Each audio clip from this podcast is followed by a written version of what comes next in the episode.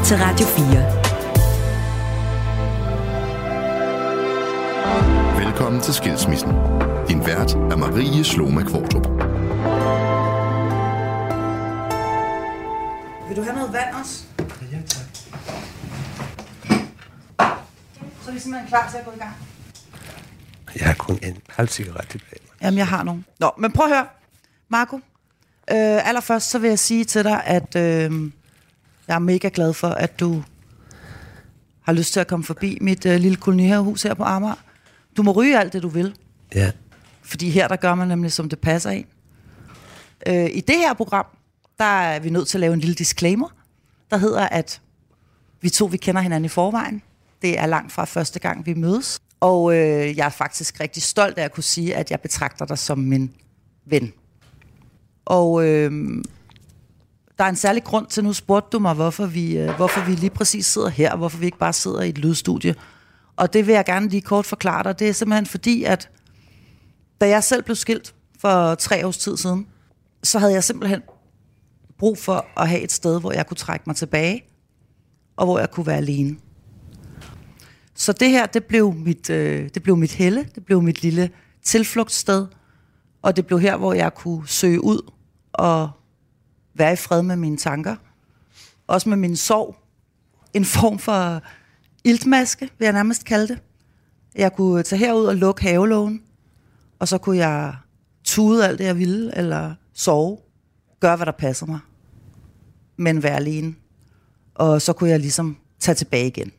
Og have måske en lille smule mere overskud til at håndtere det der kaos, som øh, jeg befandt mig i. Og samtidig så er her grønt. Selv på en vinterdag uden for vinduerne. Har også lidt koldt. Men, øh, men har fred og ro. Og synes jeg, en, øh, en dejlig stemning. Så, så det er derfor, vi sidder her.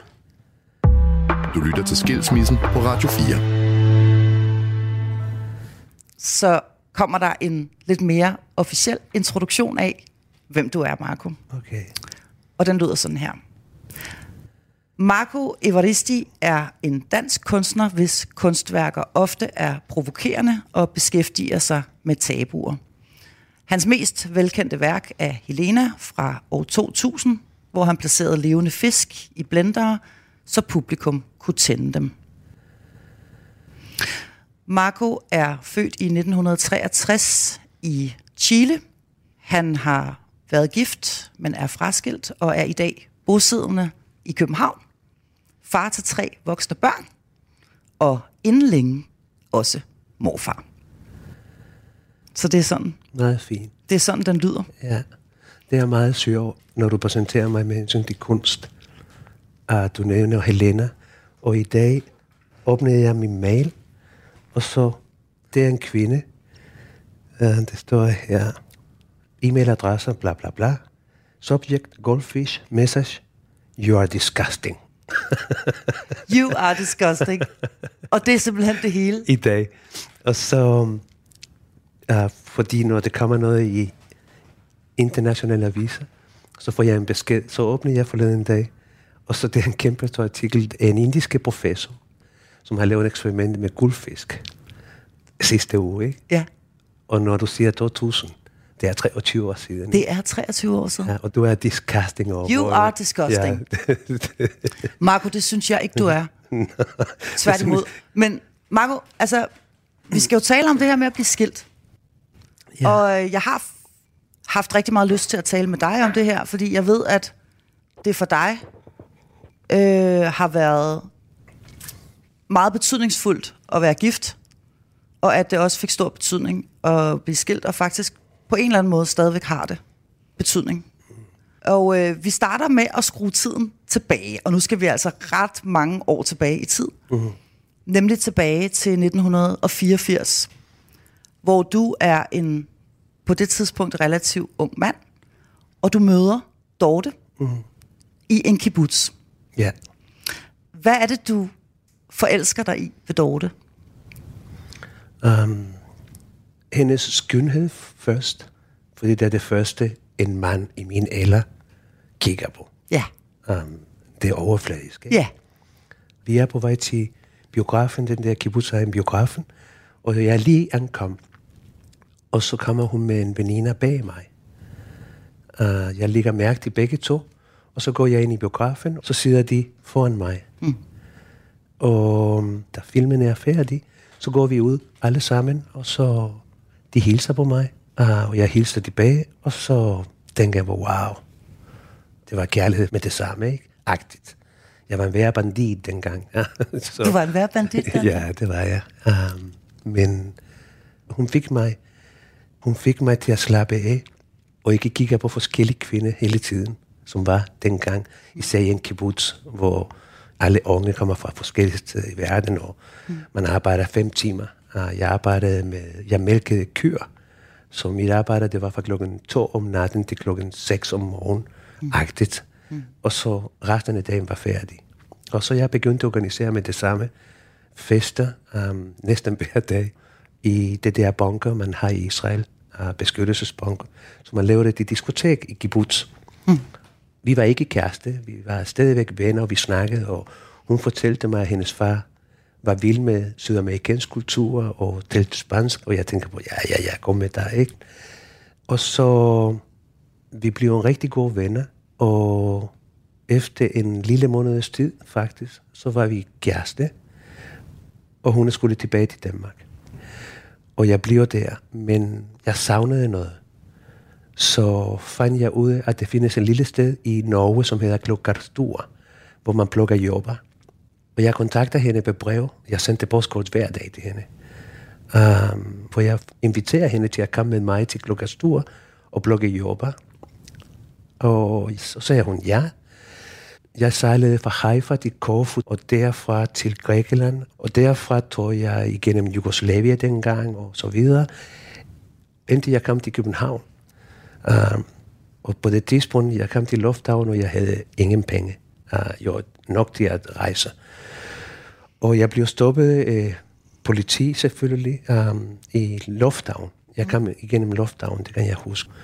Um, de spørger mig, hvad skal du? Uh, hvor mange? Uh, jeg skal besøge en veninde i Esbjerg. Uh, Nå, men har du nogle penge? Så siger jeg, nej, det har jeg ikke, men uh, de betaler mit ophold. Jeg skal bare være en uge, så skal jeg videre til uh, Glukastur. Og, men hvem er den familie? Og jeg giver telefonnummer, og jeg ringer, de ringer til uh, Dora, og Dora får hendes far til at tælle i telefon, og han var en, en, en, en okay velhæver mand med sin egen privatklinik, tandlægerklinik. Så, så ser han sandsynligvis, um, det må han have sagt noget med, jeg tager ansvar for ham selvfølgelig der, ja. uh, og så videre. Så fik jeg en stempel, så fik jeg en visa i tre måneder, men jeg skulle være kun en uge. Og derfra uh, kom jeg til Esbjerg, til det der togstation, og det var en meget ukendt land for mig, og det var mørk. Det var i december måned og ligesom nu faktisk. Men det var så ren, og det danske kultur, du ved, det var en kæmpestor, mm. uh, det var så anderledes, end det var jeg vant til. Uh, Chile, som har den der latinamerikanske kultur, og israelerne, som minder meget om italiener, du ved, råben og alle mulige ting. Og, og så kommer jeg til det der meget stille sted, hvor hvis du går i op i en bus, så ingen siger noget. Eller man taler meget stille og roligt. Ikke? Stod ikke... hun så på togstationen og ventede ja, hun stod og ventede på mig på togstationen, og så tog vi hjem, og jeg kan huske, at i min vandretur, jeg lugtede af helvede til. Uh, min tøj, det lugtede, mine strømpe, de var en uge gammel, og, og jeg havde militærstole. Um, og så kommer jeg til det der fantastiske hviler i togetage med en kæmpe stor kælder med biler og bar, og, og så kommer jeg der, og alle de møbler, de var bare Bo Mogensen og Bit Heinborg og you name it. Alt ja. det klassiske. Alt, alt, alt det klassiske. Og, og så er Dorte der jo også. Ja, Nå, men så hun introducerer mig til hendes far, og han glæder sig til at møde mig. Og jeg er lidt generet. Og da jeg kommer ind, så han modtager mig, og hans, hans hustru, Dotters mor, hun er det smukkeste kvinde, jeg har set i mange, mange, mange år. Og han havde lavet en masse typiske danske retter, hvor man drikker øl og snaps. Så jeg var meget fascineret, og jeg følte mig hjem med det samme. Mm. De tog virkelig godt imod dig. Meget, så jeg følte mig hjem. Men jeg blev simpelthen så fuld. Jeg var simpelthen så stiv, fordi jeg kendte ikke snaps jo. Og, så det var en øl og to snaps. En øl og to snaps. og på et tidspunkt kan jeg ikke rejse mig faktisk. Og så går jeg ned uh, i kælder, hvor Dora, hun har sit eget privat uh, lejlighed-agtigt. Og, og det var vores første uh, aften, du ved, hvor vi skulle være sammen, ikke? Og så begyndte jeg bare at gaste op og gaste op og gaste op. Jeg var simpelthen så syg. Så det var min, det var min møde med Dora første gang i Danmark. Og dit første møde med, Og med, med hendes dansk forældre. kultur Ja. og en dansk familie, som sidenhen skal vise sig også at blive din familie. Og ja. faktisk bliver Dortes forældre dine far og mor. Min far og mor. Jeg kalder stadigvæk hendes mor, Doras mor, for mor. Stadigvæk. Så et enormt betydningsfuldt møde, og et meget definerende øjeblik for dig, fordi det skal jo vise sig, hvad du ikke ved på det her tidspunkt, at Danmark skal blive dit nye fædreland, Ja. og det skal blive her, du øh, får din familie, og herfra din verden går, også den dag i dag. ja. Så springer vi en lille bit smule, men der sker det, at Dorte og dig, I tager til Norge og plukker jordbær. Det er en kæmpe succes. Faktisk slår du rekord. Det viser sig, at du er vildt god til at plukke jordbær. og, øh, og kærligheden imellem Dorte og dig, den blomstrer. Ja. Det bliver altså også til, at du frier til hende Ja, relativt kort tid efter. ja, faktisk en måned efter, fordi vi var i, vi, vi var i gang med at plukke jobber, og jeg tjente en masse penge. Ja, så vi tog til Oslo, og vi lejede det, det fedeste hotelværelse, dyreste hotel, og så købte jeg en flaske Dom Perignon, kan jeg huske. Og jeg havde en ring, jeg kan ikke huske uh, i virkeligheden, hvor kommer den ring fra. Uh, det var en guldring, hvor jeg piller hende i, at det er min mormors ring. Det bilder du hende ind. Ja, jeg siger det til hende, det er min mormors ring, og jeg vil gerne og giftes med dig. Og så ved siden af købte jeg også en lille ring med en diamant. Billig en, tror jeg nok. Jeg var så vant til at, at lyve, fordi da jeg forlod Chile, så havde jeg ikke nogen identitet, og jeg ville gerne skabe mig en identitet. Ingen kendte mig, der hvor jeg kom til, i Israel. Så tænkte jeg på, okay, hvad skal, hvem er jeg? Hvad skal jeg sige? Og du kunne i virkeligheden sige hvad som helst. Men Ingen kunne vide sandhed jo. Så jeg bilder alle sammen i, at min far han er arkitekt, og at jeg kommer fra en lidt højere middelklasse familie. Mm. Og hvad skal jeg sige? At jeg er en gældedreng, og jeg har ikke nogen familie, og det, det, for, det er ikke interessant for nogen. Og også det der ikke? Altså, uh, man skal ikke have det dårligt, fordi jeg kommer fra dårlig uh, gård. Så um, jeg bilder folk ind, at min far han er arkitekt, og min mor hun er husmor, men hun er husmor, fordi hun er velhav. Mm. Så um, det bliver min fortælling til Dorte også, og det bliver faktisk i næsten 15 år, den fortælling. Men jeg synes, at det har en, det har, det har en kærlighedsværdi, som er højere end selve løgn. Ja. Det er ikke så vigtigt i denne her sammenhæng. Prøv her, hvis, det, hvis jeg siger til hende, værsgo, uh, jeg vil giftes med dig, og jeg kommer med en lille kasse med en ring fra en butik, det, det, det, det gjorde vi alle sammen, ikke? Den historie, det, det, det indhold en, en, en kærlighedspoint-agtigt, ja. du ved. Og derfor jeg bruger det som, for at give hende en, en besked. Jeg elsker dig så høj, mm. at du får min mormors ring, ikke? Ja. Hey, come on. Uh, det er ikke bare en ring, jeg køber i en butik. Selvom jeg købte en anden mindre ring, uh, med det penge, jeg havde tjent. Um, Du lytter til Skilsmissen på Radio 4. Så vi bruger alt det penge på tre dage, tror jeg, nu. alt det, hvad jeg har tjent, og vi har kun til at komme tilbage en uge i Esbjerg, og så sagde jeg til hende, skal vi ikke tage til, til England? Så tog vi til England, uden noget som helst. Vi havde bare penge til en billet. Og da vi kom derud, uh, jeg kan ikke huske hvorfor, men jeg læste, at de manglede folk i Leeds til at samle kartofler. Efter et stykke tid, så siger hun, jeg skal tilbage til Danmark, fordi jeg blev godkendt til at læse til sygeplejerske i Vejle. Mm. Og så tager vi afsted. Vi bliver gift. Og jeg, jeg begynder at læse på uh, Byggeteknisk Højskole. Og alt det her, det kommer med en incitament fra min svigerfar, fra Flemming. Det er han, som siger til mig, du skal læse, du skal have en uddannelse. Og så flytter jeg til København, og jeg flytter lige præcis 50 meter herfra, hvor vi sidder i dag. Ja, Mærkeligt nok. lige over i Ballonparken. Ja, jeg boede Ja. ja. i Ballonparken faktisk, indtil Dotter kommer tilbage. Så vi bor i det der lille landsby, Visinge landsby, hvor vi bliver boende faktisk i mange år. Og jeg moderniserede det der. Vi moderniserede det der skole og gymnasium, som man brugte i gamle dage i 18, slutningen af 1800-tallet eller 1920. Uh, det blev til min værksted, min studio, uh, som var kæmpe, kæmpe, kæmpe, kæmpe stor. Mm. Uh, 6 meter op i luft, og uh, kæmpe store vinduer, sparti, som var kæmpe store. Du ved, vi snakker om to og en halv meter høje vinduer, to meter brede, tre gange af det der, lige foran en gadekær. Så det var det smukkeste sted for mig på det tidspunkt at etablere en familie og have børn. Mine børn, de kunne gå ud lige ved gadekær og lege fodbold, eller hvad det hedder, lyst til. Gik i skole. De, de cyklede ikke, fordi det var så tæt uden at jeg skulle tænke på, at det skulle cykle og trafikken og alt det der. Så, mm. så, så for mig, det var en ideale sted at, vok, at, at opdrage sine børn i en, i en, i en, i en dejlig naturmiljø, mere eller mindre. Mm. Ikke? Det er ikke Glostrup, som man tror på, wow, Glostrup. Man hører kun om retssagen i Glostrup, retssagen i Glostrup. Ikke? Mm. Men faktisk Visinge landsby er en meget smuk lille landsby. Ja, og faktisk så er Glostrup, det bliver også stedet, hvor I kommer til at stifte familie. Ja.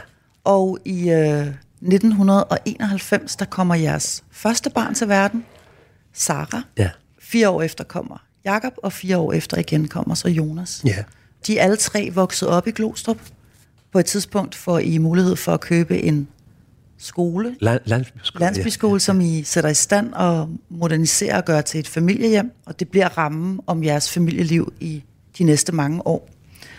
Jeg vender lige tilbage til det, som du jo selv fortæller meget ærligt, nemlig at du har faktisk ikke fortalt sandheden om, hvem du er, eller hvad du kommer fra til Dorte.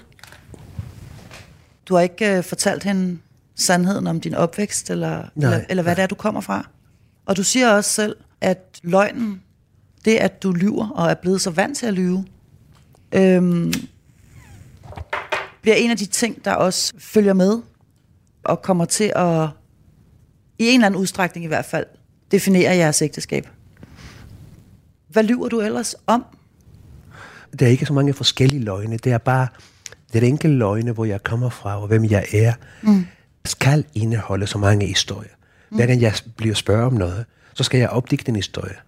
Ja. Uh, men det er ikke for, for at være ondskabsfuld eller noget. Det forstår jeg. Det er mere, jeg gjorde, jeg gjorde ikke ond uh, til nogen Nej. med disse historier. Tværtimod, de er så positive, at de tænker på, wow, han har haft et godt liv. Ikke? Ja. I stedet for at fortælle dem, at jeg bliver sparket i en omse, fordi jeg ikke bare ser andre børn, som bor i det der hus. Og jeg gad ikke fortælle folk, at jeg havde dårlig barndom. Jeg synes, det, det vil gøre dem kede. Ja. Så i stedet for at gøre dem kede, så jeg vil gerne gøre dem glade. Så fortæller du en positiv historie, ja. i Ja. stedet for at Ja. fortælle den I stedet for at spille martyr, Ja. ja. det gør jeg ikke. Jeg var også vant til at klare mig selv, så hvorfor skulle jeg spille martyr? Mm. Men det hele det faktisk op, og, og, og jeg var lykkelig på mange måder, på mange hensyn. Jeg var enormt lykkelig. Mm. Um, og så min karriere, det tager fart i 2000, hvor Dora, hun spørger mig på et tidspunkt, hvad er det, du vil uh, med alt det der kunst? Mm. Så sagde jeg til hende, jeg vil bare gerne blive en del af selve kunsthistorie, bøgerne. Det vil være mit mål. Men du siger, Marco, undskyld, jeg afbryder dig, men du siger, at det hele fucker op.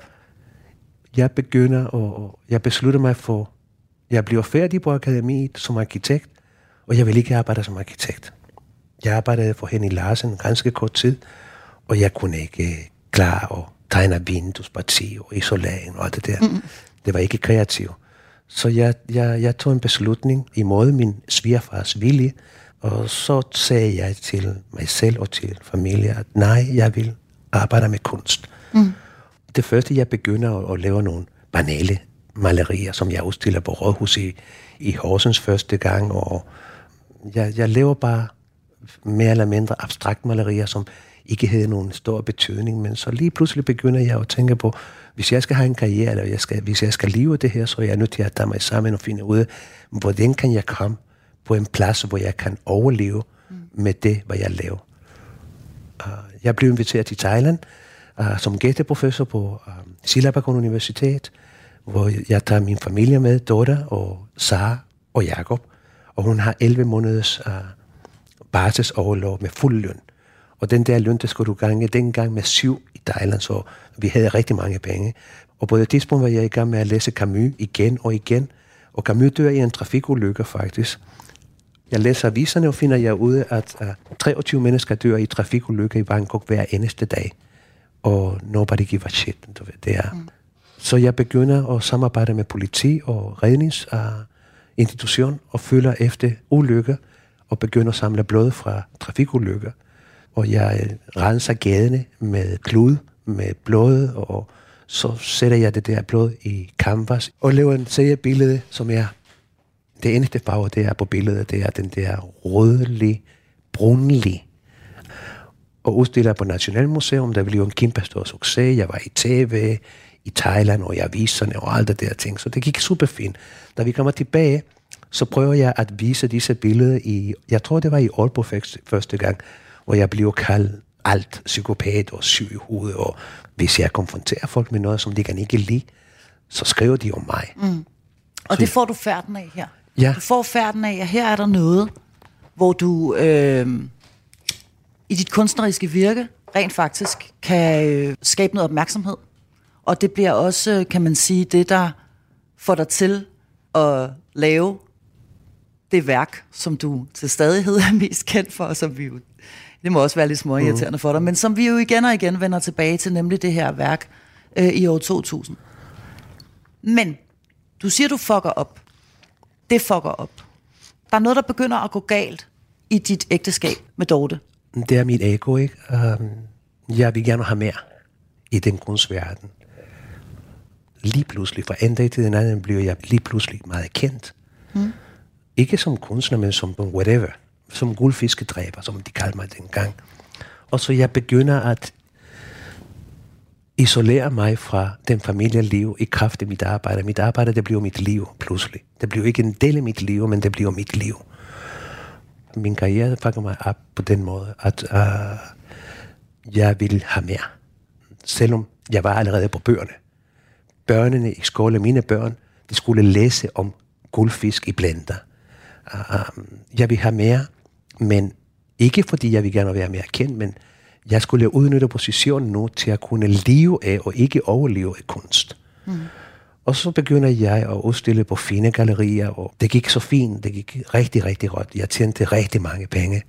Hvad er prisen så får jeg, jamen, så får jeg, så får jeg venner i den der bohème-miljø. Og så starter alt det der med, jeg tror drugs allerede på akademiet, fordi det gjorde de alle sammen, men, men det blev meget værd i det her skabade, eller de receptioner, jeg gik, og ting var mere eller mindre gratis, fordi jeg var lidt kendt, og jeg kunne gå på en restaurant og betale med en, tegning på en serviette nogle gange, bare for sjov, ikke?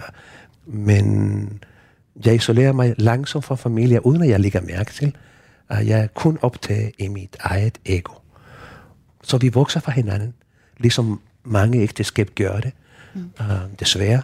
Men vi vokser fra hinanden. Uh, hun er stadigvæk den dejlige kvinde, og hun er stabil og alt det. Jeg er ustabil. Jeg rejser rigtig meget til udlandet. Jeg udstiller med Yoko Ono i Tokyo, og jeg tager til Chile og udstiller med Yoko Ono en gang til, og uh, har udstillinger med de bedste kunstnere på det tidspunkt i Danmark. Uh, Kvium, Lemets, Fransen, Bonde. Og, så jeg bliver en del af det der miljø.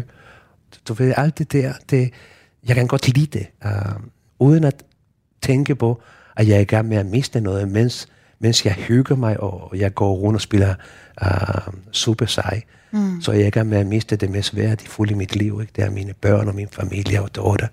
Uh, så køber jeg en lejlighed uh, som værksted i New Edelgade. En erhvervslejlighed, hvor jeg har min værksted derude. Så begynder jeg ikke at komme hjem om aftenen, fordi så kommer alle mulige kendte mennesker, og, så vi har det rigtig sjovt. Ikke? Mm. Det kommer alt det der alt de her sjæle, som jeg har fortabt i kraft af deres arbejde og ego, ligesom mig. Så vi har noget til fælles. Uh, vi er alle sammen fucked op på en måde.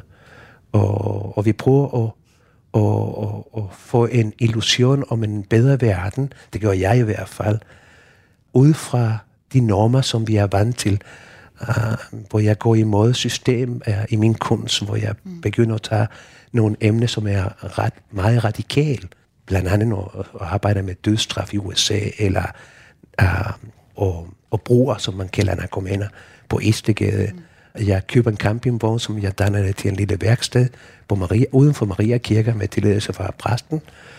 hvor alle narkomaner eller brugerne, de, de står der om morgenen for at få gratis kaffe og så videre. Og jeg køber, jeg tror det var, det må have været omkring 50 gram heroin, jeg køber. Og så blander jeg heroin med kakalaka-gift, som har næsten den samme brunlige farve, og pisk og, og fløde. Som, som, I stedet for vand, så bruger jeg fløde, fordi fedt kan modtage canvas og papir også.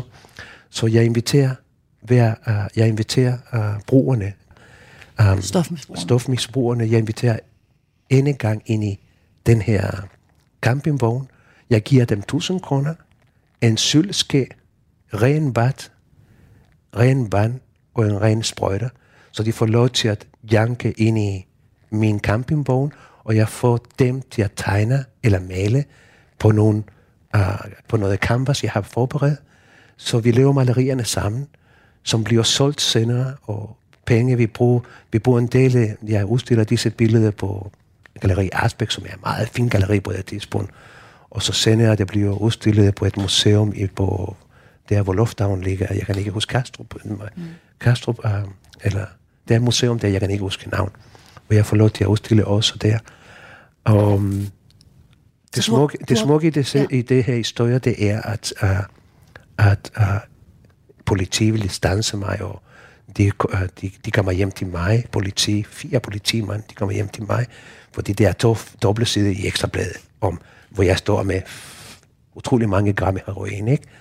Uh, men det er ikke heroin for mig. Det, det, den er, jeg har blandet det, så det er ikke noget, som man kan bruge det til noget som helst. Det ved politiet selvfølgelig ikke. Og de kommer uh, og renser mit hus, uh, hvor jeg er alene hjem om morgenen. Heldigvis børnene er gået i skole eller børnehave, og dotter hun er på arbejde. Så de kommer og, og, og meget venligt, og de siger, vi er nødt til at... Så siger jeg, jamen jeg har ikke noget tilbage. Alt det er på det der malerier, som jeg har lavet, så jeg har ikke noget tilbage. Jo, men vi er nødt til at gå igennem dit hjem, ikke? Og rense ja. og de, de gør det, og de finder ikke noget. Og mens jeg sidder med chefen fra det der fire, og der fire, og der er en, som sidder ude i køkkenet med mig, og vi drikker kaffe, mens de andre, de kigger på skuffen, eller hvad det er. Mm. Um, det ved jeg ikke, men de fandt ikke noget, fordi jeg havde heller ikke noget.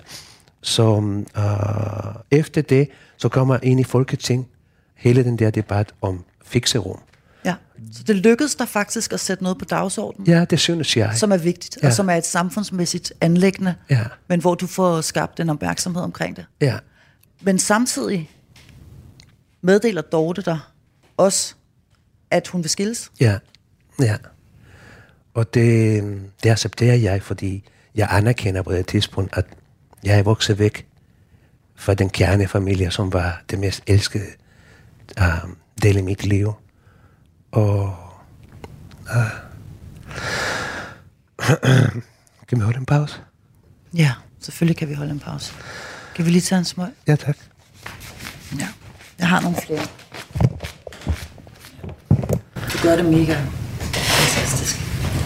Du gør det mega fantastisk. Jeg bliver bare fucking rør hver gang. Det gør ikke noget, det. Jamen, jeg, kan, jeg gider bare ikke. Nej. Jeg går så mange år efterhånden. du ved. Det er lige Og så bliver jeg ved med Det betyder jo stadigvæk noget. Det er det på, hvor Ja. Jeg sætter det on, det synes jeg også. Altså, jeg synes, det gør noget. Øhm, Um, så uh, da hun meddeler mig uh, det, så accepterer jeg selvfølgelig. Og, men alligevel tænker jeg bare, okay, nu har jeg mere tid til at beskæftige mig med min egen ego, og jeg kan rejse mere og bla bla bla. Men jeg har, en, jeg har virkelig dårlig samvittighed på grund af mine børn. Ikke? De bor i en kæmpe stor hus. Mm. Og min datter, hun er flyttet hjem fra. Uh, hun vandrer i verden efter sin gymnasium. Så det er kun Jakob og Jonas, som bliver boende hos deres mor i det der kæmpe store hus. Vi snakker om kæmpe, kæmpe, kæmpe hus, ikke? Um, og um, de bliver boende, og jeg kommer en gang om ugen, tror jeg nok, for at putte nogle træpiler ind i det der system, som vi har købt, det her varmehuset. Mm. Um, så jeg kommer og renser det der oven de træpiler, og mm. prøver at gøre nogle praktiske ting, slå græs og så videre. Og så da jeg er tilbage til byen igen, og jeg kan huske, at Jakob, han sagde til mig på et tidspunkt, næsten grædende, mor, hun har det rigtig dårligt. Hun græder hver dag, og, og vi har rotterne i kælder. Og jeg tænker på, fuck, man, hvad kan jeg gøre, ikke? Så um, vi, vi kontakter rottebekæmpelse selvfølgelig i kommuner, og de kommer, og det, det, find, det viser sig, at det er en utæt i, i, i kloaksystem, så de kommer ud. De kommer ikke ind i huset, den er nede i kælder, men de kan høre du ved, om natten, ikke? Og så derfra starter min nedtur, og rigtig nedtur, hvor jeg begynder at tænke meget på, hvad fanden har jeg gjort med mit liv, ikke? Hvorfor skulle kunst være så vigtig for mig? Så vigtigt, at jeg var villig til at miste min, min familie. Men det var for sent jo. Det, det, var, det var truffet en, en, en beslutning fra Dotters side. Uh, så jeg begyndte at arbejde mere med kunst, og så flyttede jeg til min nye sted, som jeg kaldte for en form for slot. Det var på Esplanaden, som var en mega stor, meget New York-agtig, højt til loft og bla bla bla. Så startede igen hele den der dynamik med alle de der fortabte sjæle, som kom. Og de festede alle sammen hos mig, fordi jeg var alene. Ja. Uh, ude, uh, I en gård uden for uh, Brasserie Bohem, hvor alle de kendte kom. Men hvordan har du det i den der periode? Du siger, at Ja, din jeg, nedtur jeg, starter. jeg, jeg, jeg er lost på en måde. Ikke? Jeg, jeg, jeg, jeg, jeg, jeg gemmer mig ind i, ind i, ind i uh, stoffer. Uh, det er der, hvor jeg gemmer mig. Og alkohol. Virkelig meget. Og jeg har alt, og alligevel jeg har ingenting. Ikke? Og um, hver gang folk kom uh, og spiste ind på Bohem, så de vidste, at Marco havde en kæmpe stor studio, så da de var færdige med at spise, så det var mere eller mindre gratis sprut hos mig. ja, eller, så er der fest hos dig. Ja, og så de spillede øh, live musik, de, den som var musiker, og de tog en guitar eller en klaver, eller hvad ved jeg, og nogen som skrev digter, de læste digter, og det var, det var super hyggeligt, det var meget, uh, meget kreativt. Mm. Meget, meget, meget kreativt, og alle sammen havde det der fælles agtige ting, at um, de var fortabt på en måde, men mm. um, jeg tror, at det er nogle gange meget, det er en nødvendighed at, at have en skæv tilværelse, til at kunne komme med noget kreativt. Mm. Jeg har det bedst, når jeg er i en depressionstilstand, for eksempel, eller når jeg, når jeg har det virkelig dårligt. Det er der, hvor jeg har det bedst til at opfinde nogle nye projekter. Og så Det er der, den bedste kunst kommer ud af dig i virkeligheden. Ikke kun for mig, jeg tror for de fleste også. Ikke? Mm. Det, det, det er, og he, hele den der periode på akademiet, hvor jeg bliver, de danner en intellekt, som er anderledes. Det, jeg bliver tvunget til at læse nihilistisk litteratur. Og, du ved, så de, jeg bliver fanget i hele den der nihilistiske, sorte kultur.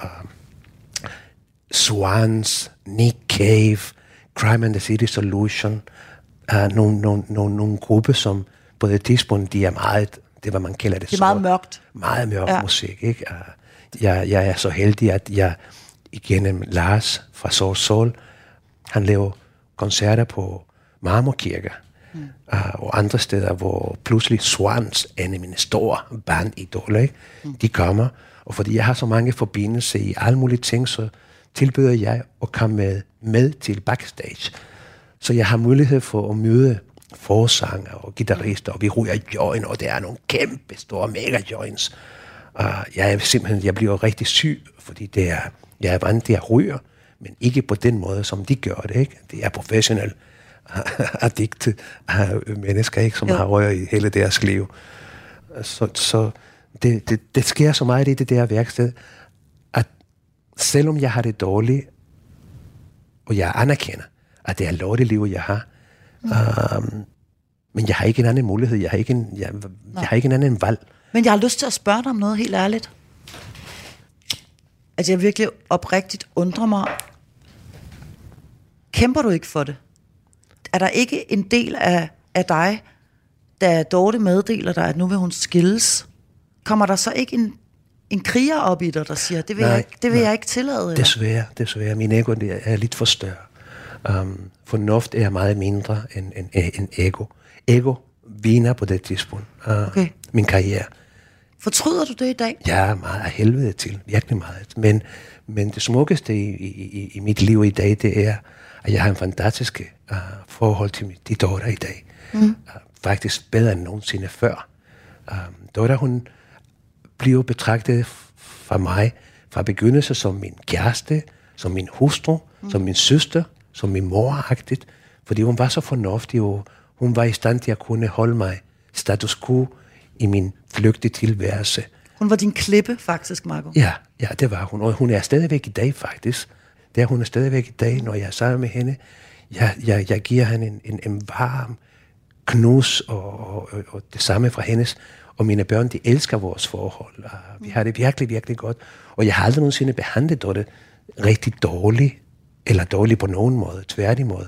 Og det var en meget retfærdig skilmisse, også økonomiske, så fuck økonomien, ikke? men det var, det var en meget retfærdig uh, skilmisse, da hun var en af de få kvinder, som jeg kender, som er blevet skilt, som ikke prøvede at tage for meget. Mm. Hun ville tage bare, det var, det er, det var det. Var det, det var Hun det. er et ordentligt menneske. Meget, rigtig meget. Men når du siger, at du aldrig har behandlet Dorte dårligt, er det så helt rigtigt?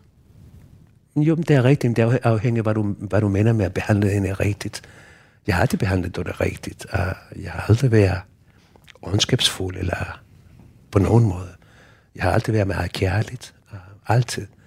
Uh, jeg har ikke haft så meget tid til mine børn. Dotter, hun var mor og far ofte, fordi jeg rejste meget også, men uh, hun har altid været et ordentligt menneske og en kærlig menneske, og, og, og, og hun har opdraget mine børn, som er det bedste i mit liv i dag. Ikke? Det er hendes fortjeneste, at mine børn er det, hvad de er i dag. Mm. Ikke så meget af mig, fordi jeg var en absentia ofte. Du ved, jeg var ikke hjem. Og men, er jeg var det, hjem, men er det ikke et svigt? Jeg har svigtet min familie, jo, det, det gjorde jeg. Men jeg kunne ikke gøre noget andet, da jeg Nå. blev skilt. Jeg, jeg kunne ikke komme tilbage, fordi det, det var min ego var større på det tidspunkt. Ja. Det var meget, meget, meget større. Så selvom jeg vidste, at det var noget lort, min ego var for stor. Jeg ville gerne have mere af den her kunstverden, og jeg havde også en dedikation til det, hvad jeg lavede. Det har jeg stadigvæk i dag, bare på en anden måde. Mm. Men jeg var dedikeret til det, hvad jeg lavede. Det var min mening, det var, at jeg skulle ændre noget i det samfund, jeg lever i. Fordi det, det, det er nogle ting, som er uretfærdige, og det forstyrrer mig af helvede til. Men ingen der sig det der, uh, et, et, et, et her et, et skævhed i vores samfund. Så det var en, en, en undersøgelse, en, en mere sociokulturel undersøgelse af samfund, mm. og hvad kunne jeg bidrage med til at gøre det måske lidt bedre.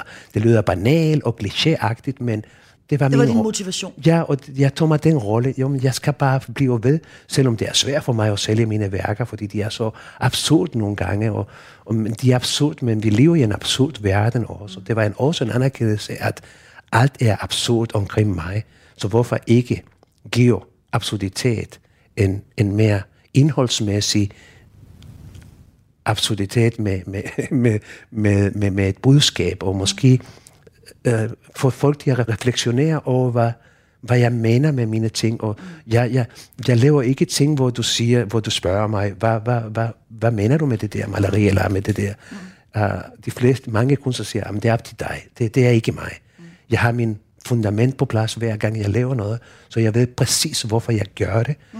Og der er ingen, ingen kan stille mig et spørgsmål omkring mine værker, som jeg vil ikke kunne svare. Og jeg kan godt fortælle folk, hvad det handler det om. Det er mm. ikke en hemmelighed, jo. Det ved jeg. Men du betaler en pris. Mm. Og det er den pris, vi taler om nu. Fordi når du nu sidder her og kigger tilbage, så ved jeg nemlig også, at du stadigvæk indimellem, selvom det er mange år siden efterhånden, savner din familie. Ja, meget. Men, men jeg savner også Uh, ikke bare min familie, men jeg savner den der fornuft, som var tabt i tidens mørke vej. Det ved jeg ikke, men jeg savner den Marco, som jeg er i dag. Jeg skulle have savnede dengang, men det gjorde jeg ikke. Det, det, det er meget kompleks forhold, fordi jeg savner enormt meget min familie, men en anden, man skal også se sig selv i dag. Mine børn, selvom jeg var sammen med min datter, mine børn vil ikke være sammen med os. Så det handler ikke længere om en familie, jeg savner. Uh, jeg, jeg savner det fortabte tid i familiens tidsrum. Mm. Det er der, hvor jeg skulle have været med. Ja. Jeg var ikke. Nu Og jeg, den tid kommer ikke igen. jo, men jeg, nu jeg er sammen med min familie, men vi er ikke sammen. Vi mødes en gang imellem, en gang om uge. Jeg er ikke så godt til at besøge mine børn, faktisk. Mine børn besøger deres mor faktisk meget tit. Uh, Og vi snakker om flere gange om ugen, ikke? Mm. Jeg besøger ikke mine børn så tit, og de kommer ikke så tit til mig også, fordi jeg tror, det er en, jeg tror nok, at det er en slags, de bliver jo vant til. Sådan er det bare. Og det har Øh, du jo selv vendet dem til. Ja, ja, ja, ja. Og de ved, at jeg elsker dem enormt højt. Ikke? Jeg vil gøre alt for dem. Men, men det er ligesom... Det er ikke, fordi de ikke gider at være sammen med mig. Men det er stadigvæk... Når de kommer til mig, det er stadigvæk... Når sjældent de kommer til mig alle sammen, så laver jeg mad. Jeg sidder ikke sammen med dem. Jeg serverer dem. Jeg laver... Jeg, jeg, jeg, jeg forkæler dem. Mm. Det er, hvad jeg kan. Og det er at lave mad. Jeg er pissegodt til at lave mad. Så jeg forkæler dem, og de siger hele tiden, Papa, du skal bare sidde ned nu. Papa, du skal sidde ned nu. Så jeg, nej, nej, nej, jeg skal lave det og det og det og det, så jeg kan ikke slappe af. Ud over det, jeg har ild i røven, ikke? Så det er, jeg kan ikke stå stille så, meget, så lang tid i gang. Men, men jeg tror, at det, det, det, det er, for dem der er ikke noget odiøs, at jeg ikke kommer og besøger dem, eller de ikke kommer og besøger mig så tit. Jeg taler ofte i telefon med dem, og det er en masse bes- beskeder også kommer frem og tilbage. Mm. Så det er ikke, fordi jeg ikke tæller med mine børn, men jeg er dårlig til at komme afsted.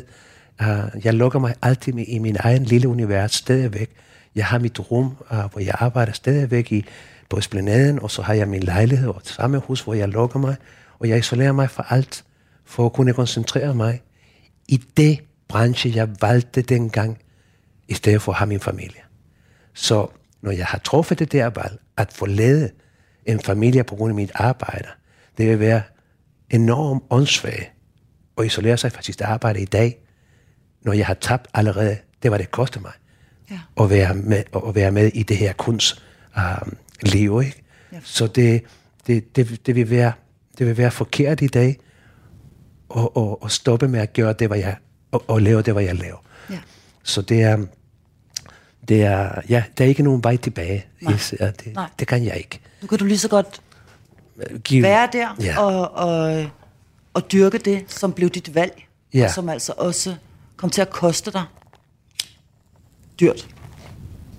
Du øh, flygter ind i, øh, i stoffer og alkohol og øh, fest og kunsten selvfølgelig, dit arbejde. Du fortæller mig, at din søn på et tidspunkt siger, at mor har det rigtig dårligt, og der er rotter i kælderen. Og du fortæller mig så, at du med det samme gør noget ved rotterne. Men jeg, jeg får lyst til at spørge, hvad gør du ved det faktum, at, at dine børns mor har det rigtig dårligt? Ja, det, jeg gjorde ikke noget, desværre. Jeg kunne ikke gøre noget. Det var truffet en beslutning allerede. Jeg var i en, en, anden del, en anden kapitel i mit liv. Ja. Så det er, en aner, det, det er en anerkendelse, at jeg kunne ikke gøre noget for hende, velvidende, at hun var en stærk kvinde. Velvidende, at hun ville komme over. Velvidende, at det sidste, hun vil have det bedre, end jeg har det. I ja. sidste ende vil hun have det bedre, Ja, end du ja, har det. ja, hun er en lykkelig kvinde i dag. Lykkelig person. Hun har dedikeret sit liv til sit arbejde og, sin, uh, og sin, sine børn. Mm. Og stadigvæk, hun har en masse plads til mig. Så hvis jeg har det virkelig dårligt, virkelig dårligt, um, og jeg, jeg, jeg taler om virkelig dårligt, især, især helbredsmæssigt, ikke? fordi hun har været i det her syvvæsenssystem. Men hvis jeg har det skidt fysisk, Uh, og jeg har det ofte, uh, fordi jeg passer ikke på min krop. Uh, I dag er, er, er jeg blevet bedre, men det er hende, jeg ringer til hende klokken 2 om natten. Uh, hvis jeg får hjerteslag for hurtigt, eller hvad det er. Så det er altid hende, uh, jeg ringer til. Uh, jeg kan huske uh, en af de smukkeste passager i mit liv, den sovligste også, der, det er, jeg falder ned ad en trappe. Jeg skal gå til min lejlighed, og så falder jeg ned en trappe. Det er rigtigt, hvad jeg siger, men jeg fortæller ikke det hele, fordi jeg vil ikke så mennesker, som er involveret i det her uh, med navne, men så får jeg en hjernerystelse. Og mm, jeg kan huske, at jeg går ned til min lejlighed, og jeg faldt i sov. Jeg tror, jeg tog en flaske vodka på en gang, fordi det hele det var bare fucked up. Nu var det færdigt. Et, et nyt kapitel i mit liv, uh, som var ikke særlig fedt. Men det var færdigt. Så jeg kan huske, at jeg gik ned til min lejlighed og tog en flaske vodka, tror jeg nok, eller rum, jeg kan ikke huske, men jeg må have været rigtig stiv. At jeg har ikke lagt mærke til, at jeg havde en kæmpe stor bulle i mit hoved, efter jeg var faldet ned fra trappe. Så om morgen, tidlig om morgen, en af mine venner, Jeppe, ringer til mig, og så siger han, um, um, hvordan går det så? Og jeg er lidt mærkeligt, og jeg, jeg er ikke mig selv. Så han kommer til min lejlighed, og det første han gør, da, han, da jeg åbner døren, så siger jeg, hvad sker der med dig? Og jeg siger, åh, det, jeg, jeg kan ikke huske, hvad jeg svarer. Så ringer han til en ambulance, og jeg bliver indlagt på Bispebjerg. Og i Bispebjerg, de undersøger mig, og de siger, at det er en, en, en hjernerystelse, du skal ikke skrive på computer eller se tv og alt det der ting. Og hvad gør jeg? Typisk mig. Ikke? En uge efter med en kæmpe stor hjernerystelse, som jeg ikke kæmpe efter, det var de siger til mig. Så der jeg til Bangkok. Og i Bangkok får jeg en hjerneblødning. Jeg er alene i min lejlighed, og heldigvis, jeg har afleveret nøgle til Manu, fordi de skulle kamp, uh, de skulle holde ferie i Thailand, mm. og de skulle opholde sig i min lejlighed, hele, hele hans familie, ja. børn og kone og så videre. Og han åbner dør, og jeg sidder ude på terrasser, og som Manu beskriver det, det er, at jeg ikke er mig selv, og jeg vil gerne begå selvmord, jeg vil gerne springe ud af terrasser. Men så han ser min, min, min, min, min, min, min helbred, eller han ser mig, at jeg er tilstand. min tilstand, og så kører vi på et privat sygehus, øh, hospital, og de finder ud af, at jeg har fået en hjerneblødning. Og jeg bliver indlagt derude, og øh, så bliver jeg fløj København med SOS, tror jeg nok, og Dottas kæreste, er en meget fin, sød menneske, som jeg har en meget fin forhold til ham. Prøver at få ham som min ven. Uh, og de står og venter på mig, og de kører mig til en rigshospital. Jeg bliver indlagt, og jeg bliver sat i karantæne, fordi jeg kommer fra udlandet. Og mm, Dotter, hun bliver der i det der værelse og overnatter, mens jeg har det af til, så blev jeg behandlet. Efter nogle dage, så tog jeg hjem. Og på et tidspunkt, jeg havde det virkelig skidt om natten, efter nogle dage, så cykler jeg klokken tre om natten, tror jeg nok, til Dorte. Og jeg cykler, og jeg falder ned på cyklen igen, på vej til hende. Og da jeg kommer til hende, helt våd og uh, rystende og så videre, så hun åbner døren, og jeg ligger på sofa et stykke tid. Jonas bor på det tidspunkt med sin mor, så han giver mig sit værelse, og jeg føler mig igen hjem. Jeg, der, jeg, jeg ved, jeg bliver passet der. Mm. Så hun passer dig? Ja, og det vil hun altid gøre, det ved jeg. Hvis jeg får det skidt igen, det vil hun også gøre det i dag. Og jeg vil gøre det samme med hende selvfølgelig. Hun er min bedste ven. Og vi har det godt, selvom jeg har en kæreste i dag. Mm. Um, det, det har ikke nogen indflydelse uh, om mit forhold til Dorte faktisk. Mm. Overhovedet ikke. Men jeg ved også, at du at du ikke har lyst til at gifte dig igen. Jeg ved, Nej. at øh, du har haft det ægteskab, du skulle have i det her liv. Ja. Og det var med Dorte. Ja. Det der med at giftes, det, det, det ved jeg ikke. Det er, jeg synes, at jeg har haft min ægteskab, og hvis jeg skal være sammen med en kvinde, vi behøver ikke have et stykke papir. Mm. Det handler om kærlighed, og så kan du sige, jamen hvorfor gifter du dig med Dorte dengang? Det var en nødvendighed på det tidspunkt, blandt andet fordi jeg kunne ikke blive i Danmark, hvis jeg var ikke gift. Jeg var udlænding jo. Mm. Jeg brugte ikke mit ægteskab til at blive i Danmark, men det var det redskab, jeg kunne bruge til at være sammen med dem, den kvinde, jeg elskede. Så hvis det var nødvendigt at gifte sig, for at være sammen med min elskede, så vil jeg giftes. Men hvis det ikke er nødvendigt at giftes, og alligevel være i stand til at være sammen med sin elskede, hvorfor skal man gifte sig? Det, det er bare et stykke papir, ikke? Og jeg har gået igennem den proces, og derfor det er ikke vigtigt for mig. Måske hvis jeg aldrig nogensinde været blevet gift, måske. Men jeg har gjort det engang. Men er det også fordi, at dit forhold til Dorte og den familie, I havde, var så særlig og betyder så meget for dig, at det skal have lov til at være den eneste?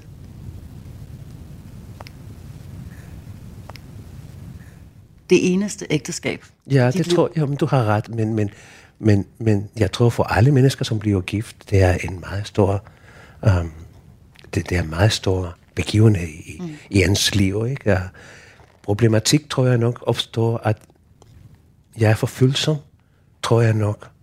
Og derfor, jeg har stadigvæk, og vil have resten af mit liv, dårlig samvittighed, fordi jeg har forladt noget, som jeg skulle ikke have forladt. Og det var det, det var min familie. Så jeg vil leve resten af mit liv med dårlig samvittighed. Og jeg vil gøre alt for at gøre det godt igen. Men jeg kan ikke komme tilbage til et ægteskab. Det, det, det er for sent. Um, det, den kærlighed har udviklet sig på en anden måde i dag. Den, den, den form for kærlighed, jeg har til dotter, det er ubeskrivelig.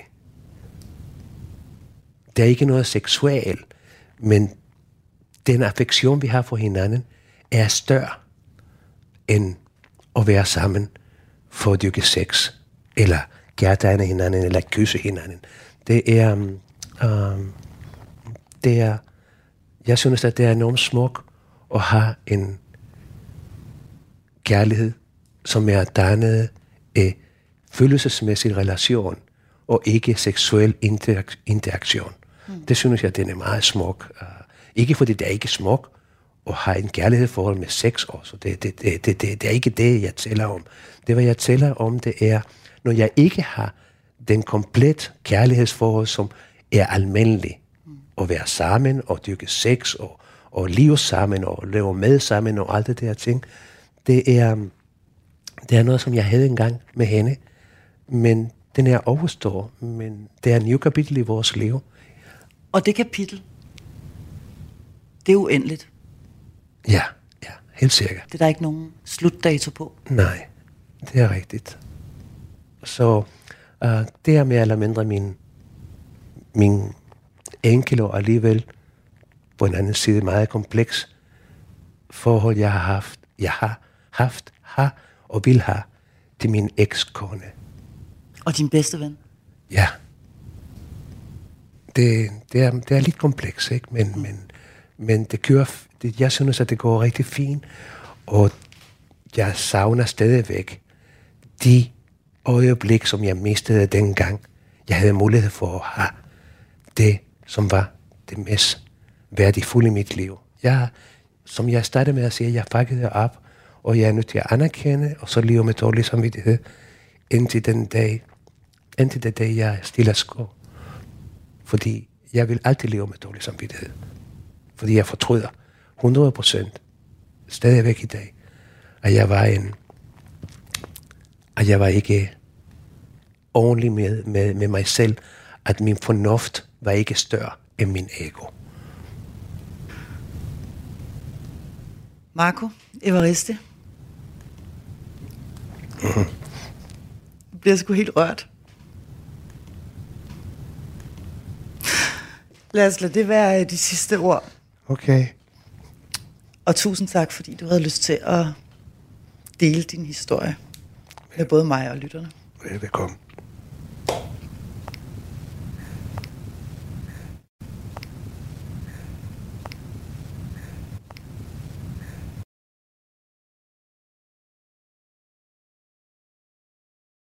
Har du selvmordstanker, kan du kontakte Livslinjen på livslinjen.dk eller på telefon 70 201 201.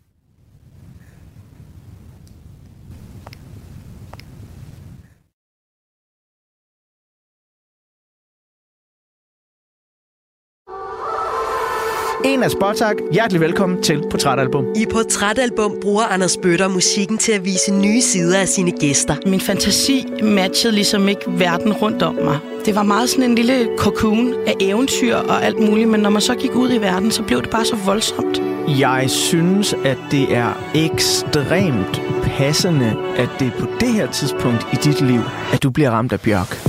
Lyt til Portrætalbum i Radio 4's app, eller der, hvor du lytter til podcast. Radio 4. Jeg havde det rigtig, rigtig svært med, at jeg var født som pige. Altså, jeg havde gik på en skole, hvor jeg fik lov til at hedde Thomas. Ikke så forudsigeligt.